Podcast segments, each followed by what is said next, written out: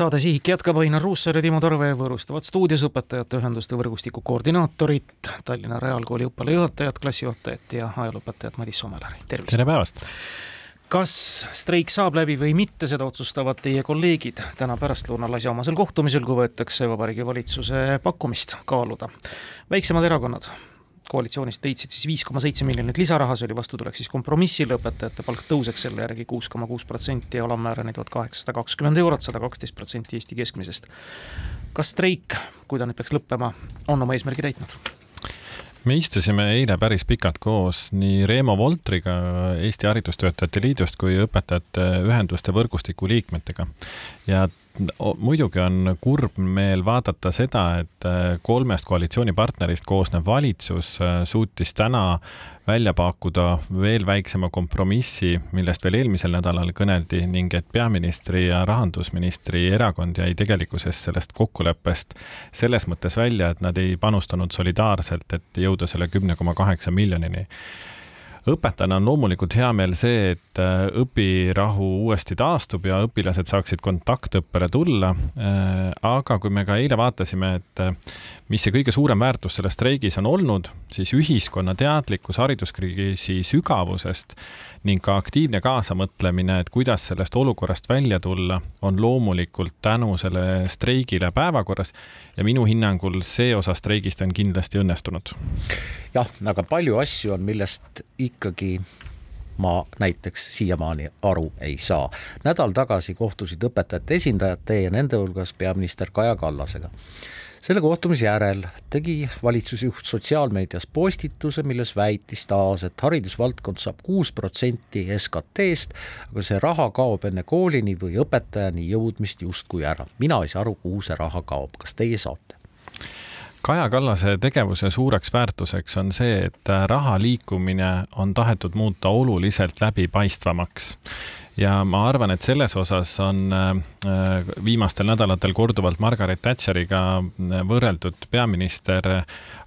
positiivset edu saavutanud. samas ei saa ju väita täna olukorras, kus me oleme tulnud tervisekriisist, koolidele on tehtud ettekirjutus, et nad peaksid oma ventilatsioonisüsteeme oluliselt parandama, kus koolid on nõukogude aegsed amortiseerunud ja neid on viidud äh, paremasse õpiruumi, et öelda, et me oleme liialt palju nüüd betooni äh, raha pannud, et see kindlasti õige ei ole. ja kui me vaatasime ka seda viimast Riigikontrolli poolt tehtud auditit ja näeme tegelikkuses, et kvalifikatsiooninõuetele vastavate osapoolte, ütleme siis õpetajate äh, arv on oluliselt väiksem, kui arvati olevat, siis tegelikkuses on haridusvaldkond ikkagi väga sügavas kriisis ning seda olukorda saab lahendada põhjalike reformide käigus, aga kindlasti on vaja nende reformide tegemiseks äh, raha juurde tuua. ma ei ole peaministriga päri selles osas, et peaminister ütleb, et kui on bensiinipaagis auk, siis siis me niisama ju lihtsalt kütust peale ei vala et kui te kujutate nüüd ette, et meditsiinis oleks meil selline probleem, et äh, esmase meditsiiniabiga või kiirabiga oleks mingisugune probleem, et see kulutab liiga palju raha, et siis me ütleme, et nüüd tänasest enam ühtegi kiirabiautot me välja ei saada, et hakkame seda probleemi lahendama, et Eesti koolid tegelikkuses pandi pausile. Ja kui me vaatame siin mõne aasta tagust tervisekriisi, siis ju tervisekriisi käigus peeti väga oluliseks, et koolid oleksid avatud, leiti lisaraha väga kallite testide jaoks seda tegi ju Reformierakond ja nende heakskiidul see toimus ja siis peeti kontaktõpet erakordselt oluliseks, täna see väärtus ei olnud. selle raha äh, kadumisega on tõepoolest probleem äh,, aga seda ei saa ju õpetajad lahendada, et minu meelest on see nagu ka ebaõiglane sellest ülis olnud, et õpetajad on selle probleemi tõstatanud, et nende töötasu on konkurentsile mittevastav, aga seda saab ikkagi riigijuht muuta. plaaster on leitud vähemasti väikesele haavale, no tegelikult ka päris suurele haavale pealepanekuks, et töörahu mõttes võiks ju nüüd jätkata saada, aga olulisemad vaidlused ja küsimused seisavad siis nüüd ees. kuulge, mis on järgmised sammud, sest tõesti, lahendamata on veel kõige olulisemad hariduskriisi probleemid. No kõige kesksem küsimus äh, peab olema ikkagi see, kes õpetab Eesti koolis äh, viie aasta pärast et äh, siin peab olema väga selge äh, mõõdikute viis, kuidas me järgnevatel aastatel liigume olukorrani, et kvalifikatsiooninõuetele vastavate õpetajate osakaal koolis suureneb ja peab olema väga konkreetne vastutaja, seda tahetakse siin Eestis veeretada nagu erinevatele osapooltele. õpetajate võrgustik on ikkagi seisukohal, et riik peab võtma kandva rolli õpetajate järelkasvu osas, et konkreetne direktor kuskil maakohas, mõnes linnas, konkreetne omavalitsusjuht ei saa omada piisavalt mõju, et tagada õpetajate järelkasvu. siin on vaja riiklikku vastutust ja lisaks vabariigi Haridus- ja Teadusministeeriumile peab seda kindlasti kandma ka Vabariigi Valitsus oma riigieelarve strateegias lubadus on, et veebruaris algavad pikaaegsed läbirääkimised haridusleppe osas äh, ning äh, arutatakse ka kevadel ja suvel siis riigieelarve strateegiat. Ja ma arvan, et siin tulebki nüüd see tegelikkus välja, et kui need reformid, mida on kõneldud, et me väärtustame enam klassijuhataja tööd või töötame välja õpetajate äh, karjäärimudeli ja sellest vastavalt palgamudeli, kui me diferentseerime meisterlikkuse järgi õpetajate töötasu, siis see kõik eeldab ju lisarahastust ja seda me näeme juba väga selgelt ära Äh, strateegias, äh, kui seda riigieelarvet kokku pannakse. Ma arvan, et äh, üks koht, mida ei saa jätkata, on hariduse juhtimine lihtsalt Haridus- ja Teadusministeeriumi ametnike poolt. et kui me vaatame sinna institutsiooni sisse, siis seal on inimesed, kes tegelikkuses ei kanna vastutust Äh, nende pikaaegsete reformide äh, läbipaistvuse osas äh, ja ei kanna ka vastutust selles osas, et juhul, kui nad ebaõnnestuvad, mis siis saavad, et mina arvan, et selle hariduskriisi üks olulisemaid küsimusi, mis päevakorrale on tekkinud, et iga institutsioon, ülikoolid, erinevad haridusministrid erinevatest perioodidest, Riigikogu kultuurikomisjon, aga Riigikogu laiemalt, koolijuhid, koolijuhtide ühendus, õpetajate esindusorganisatsioonid peaksid vaatama, et Äh, kas neil on äh, sellist äh, sõnaõigust, kui nad on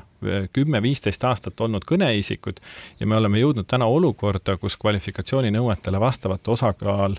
õpetajaskonna hulgas järjest väheneb, ehk siin ma arvan, et jõulisemalt tuleks kuulata õpetajaid endid, kes reaalselt igapäevaselt seda tööd teevad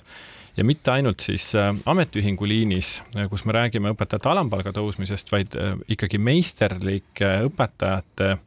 nägemust, mis on see, mis motiveerib neid igapäevaselt perspektiivikalt õpilastega tööd tegema? jah, mm, neid kohti, kus leida või peaks leidma motivatsiooni, on palju, noh, koormus on üks asi, klassijuhataja mm, ülesanne teine asi, ka staaž, õpetaja, vanemõpetaja, meisterõpetaja. teate, üks õpetaja kirjutas mulle, et tal on kolmkümmend kaheksa kontakttundi nädalas, kolmkümmend kaheksa, hästi. See kuus kuni kaheksa tundi päevas, mõned tunnid võib-olla on samad, mõned klassid on paralleelklassid ja nii edasi. aga milline on normaalne koormus, kolmkümmend kaheksa kontakttundi ei ole ju normaalne kümme aastat tagasi, kui mina äh, töötasin Pärnus, siis ma töötasin Pärnus neljas koolis ja minu äh, kontakttundide arv oli tõepoolest äh, natukene alla neljakümne. see andis mulle võimaluse noore mehena üldse isaks saada, see andis mulle võimaluse noore mehena endale kodu soetada, sellepärast et kui sa töötaksid lihtsalt täna äh, Äh, täiskohana äh, koolis ja saaksid selle eest kätte siis tuhat nelisada eurot ja veidi peale, siis kahjuks eluasemelaenu sa selle eest ei saaks. Ma ei tunne ka sellepärast häbi, et ma olen elus nii palju tööd teinud, sellepärast et kui ma vaatan objektiivsetel välishindamistel äh, saadud tulemuste tagasisidet oma õpilastele, siis nii Pärnu Hansa gümnaasiumis, Koidula gümnaasiumis kui ka Vanalinna põhikoolis ja Pärnu Vabakoolis olid need tulemused väga kõrged aga kas see on jätkusuutlik? kümme aastat tagasi ma olin kolmekümneaastane ja võib-olla jõudsin mõnevõrra rohkem. Äh, äh, täna ma ei pea seda õigeks äh, ja ma nägin ka seda, et tollel hetkel ma olin just ülikooli lõpetanud, teatud meisterlikkuse saanud, aga kui ma peaksin perioodiliselt ennast täiendkoolitama ja selle võrra ajas kasvama, siis see loomulikult mõistlik ei ole. õpetajate ühenduste võrgustik on teinud ettepaneku äh, Äh, nii nagu äh, ka Tartu Ülikooli, Tallinna Ülikooli õppejõud on sellest korduvalt rääkinud ja nagu ka kaks tuhat kakskümmend aasta aineühenduste kaasamine näitas, et äh, tänane kontakttundide arv, kus on kakskümmend üks kontakttundi peaks äh, langema ajas, ütleme vahemikku kuusteist kuni kaheksateist ja see peaks lähtuma eelkõige ikkagi sellest, et kas ma töötan klassis kolmekümne kaheksa õpilasega või mul on väiksemad klassid, äh, seal seitseteist, kaheksateist õpilast. ja ma arvangi, et täna olekski mõistlik seada siht selleks, et see kontakttundide arv näiteks aastaks kaks tuhat kakskümmend seitse oleks seal vahemikus kuusteist kuni kaheksateist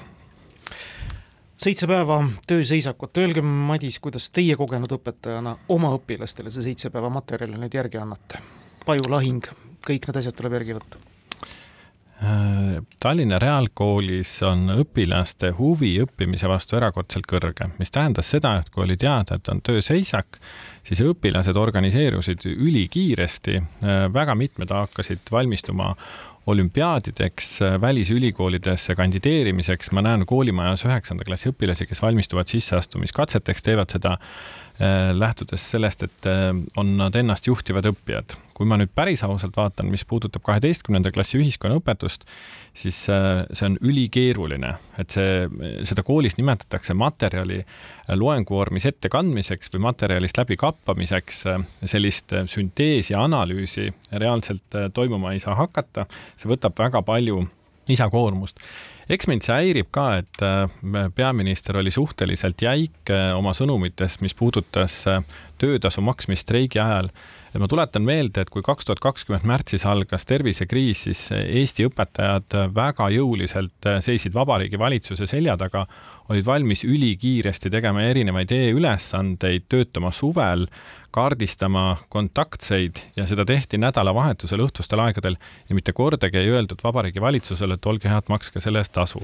jätkus see täpselt samamoodi reformidega, mis puudutas eestikeelsele õppele üleminekut nüüd uue õppekava kehtestamist ja kui ka Ukraina sõja raames meile tulid sõjapõgenikest lapsed, siis me panustasime väga palju, et ma arvan, et äh, materjali järgi õppimine sõltub nüüd sellest õpetajate enda panusest, ei ole ka ju mõistlik, et töötasu ei saa ja siis järsku hakkan suures koguses tegema tööd jaa, aga vaadakem siis ka positiivselt, vähemasti on ühiskonnaõpetus õpetuses üks asi selgeks tehtud ja selle najal saab selgitada, et Eesti Vabariigis on kuus põhiseaduslikku institutsiooni, Vabariigi Valitsus nende hulka ei kuulu. aitäh teile, Madis Soomel, tulemast! jah, aitäh!